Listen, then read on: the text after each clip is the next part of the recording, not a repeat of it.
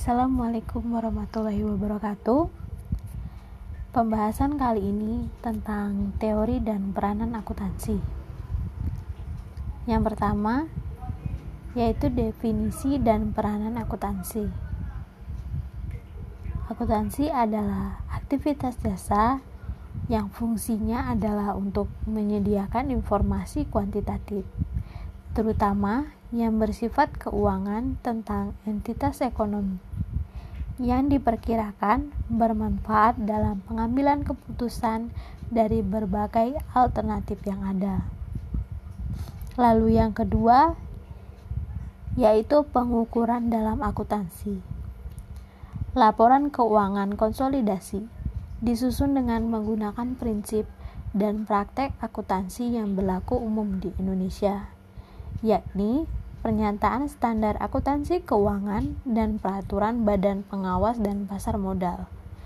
Dasar pengukuran laporan keuangan konsolidasi ini adalah konsep biaya yang problem atau historical cost, kecuali beberapa akun tertentu disusun berdasarkan pengukuran yang lain sebagaimana diuraikan dalam kebijakan akuntansi masing-masing akun tersebut, antara lain persediaan yang dinyatakan sebesar nilai uang lebih rendah antara biaya perolehan atau nilai realisasi bersih, atau the lower of cost or net realizable value.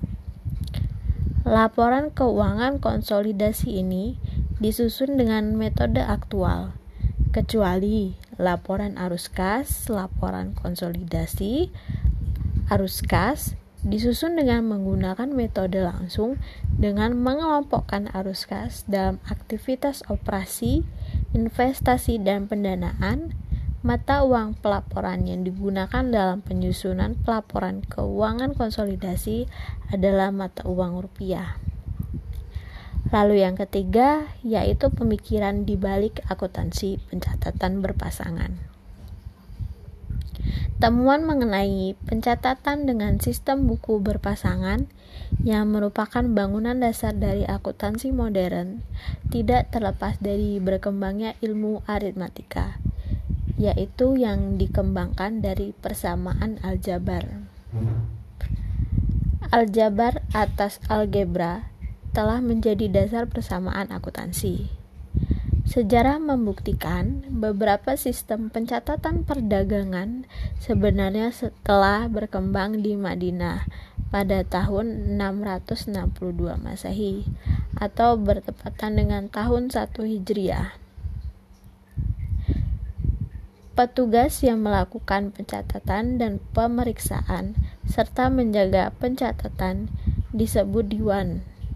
Pacioli mengungkapkan bahwa sistem pencatatan telah ada dan digunakan di Venesia lebih dari 200 tahun. Dalam bukunya, setiap transaksi harus dicatat dua kali dalam jurnal, yaitu di sisi kredit dan di sisi debit. Meskipun Pacioli bukanlah penemu tata buku berpasangan, namun membantu dalam menyebarkan mengenai gagasan tata buku berpasangan ke seluruh Eropa. Lalu, yang keempat, prinsip-prinsip akuntansi yang berlaku umum.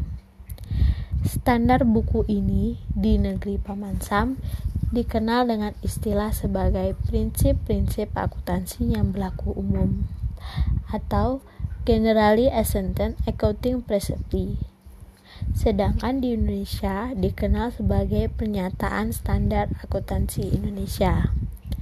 Tujuannya jelas sebagai standar untuk dapat membandingkan kinerja dan posisi keuangan perusahaan satu dengan yang lainnya.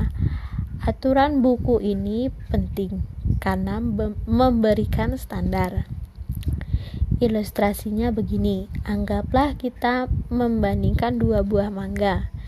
Mangga yang satu hanya diketahui beratnya saja sebesar 4 ons, sedangkan apel yang satu lagi hanya diketahui bahwa hanya kandungan airnya 50% dan akan sulit membandingkan keduanya. Untuk membandingkan keduanya harus digunakan satu standar yang berlaku sama pada kedua mangga tersebut. Dalam kasus ini, standar yang dipakai misalnya satuan berat, misalnya ons. Dengan demikian, kedua apel tadi lebih mudah untuk dibandingkan. Begitu juga dengan membandingkan posisi dan kinerja keuangan perusahaan perlu adanya standar pengukuran. Lalu yang kelima yaitu kebijakan akuntansi dan perubahannya. Pengungkapan kebijakan akuntansi diatur dalam PS, PSAK nomor 1 tentang pengungkapan kebijakan akuntansi yang disetujui dalam rapat Komite Prinsip Akuntansi Indonesia pada tanggal 24 Agustus 1994 dan telah disahkan oleh pengurus Pusat Ikatan Akuntansi Indonesia pada tanggal 7 September 1994. Pernyataan ini tidak wajib diterapkan untuk unsur yang tidak material seperti kebijakan akuntansi meliputi prinsip-prinsip dasar-dasar konvensi, peraturan, dan prosedur yang digunakan manajemen dalam menyusun dan penyajian laporan keuangan. Beberapa jenis kebijakan akuntansi dapat digunakan untuk subjek yang sama.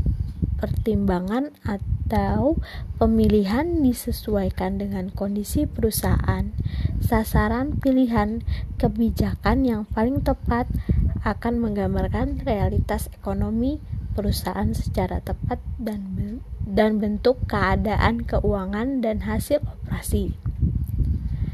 Lalu, kebijakan akuntansi dewasa ini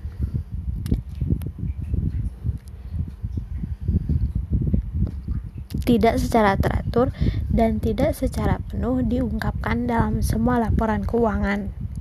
Perbedaan besar masih terjadi dalam bentuk kejelasan dan kelengkapan pengungkapan yang ada dalam suatu negara maupun antar negara atas kebijakan akuntansi harus diungkapkan. Kebijakan akuntansi yang penting yang penting lain tidak diungkapkan dalam sebuah laporan keuangan. Beberapa kebijakan yang penting telah diungkapkan, sementara kebijakan akuntansi yang tidak penting tidak diungkapkan. Lalu, yang terakhir adalah perancangan akuntansi agar aktivitas-aktivitas dalam siklus pengeluaran dapat mendukung dan dikendalikan sesuai dengan tujuan dan sasaran yang ingin dicapai badan usaha, maka struktur pengendalian intern yang memadai perlu diciptakan dalam penerapan dalam sistem informasi akuntansi yang sesuai dengan kebutuhan yang ada. Struktur pengendalian intern yang memadai akan menghasilkan informasi yang relevan, tepat waktu, lengkap, dan benar, serta meliputi badan usaha dan melindunginya dari kecurangan atau kerugian lainnya.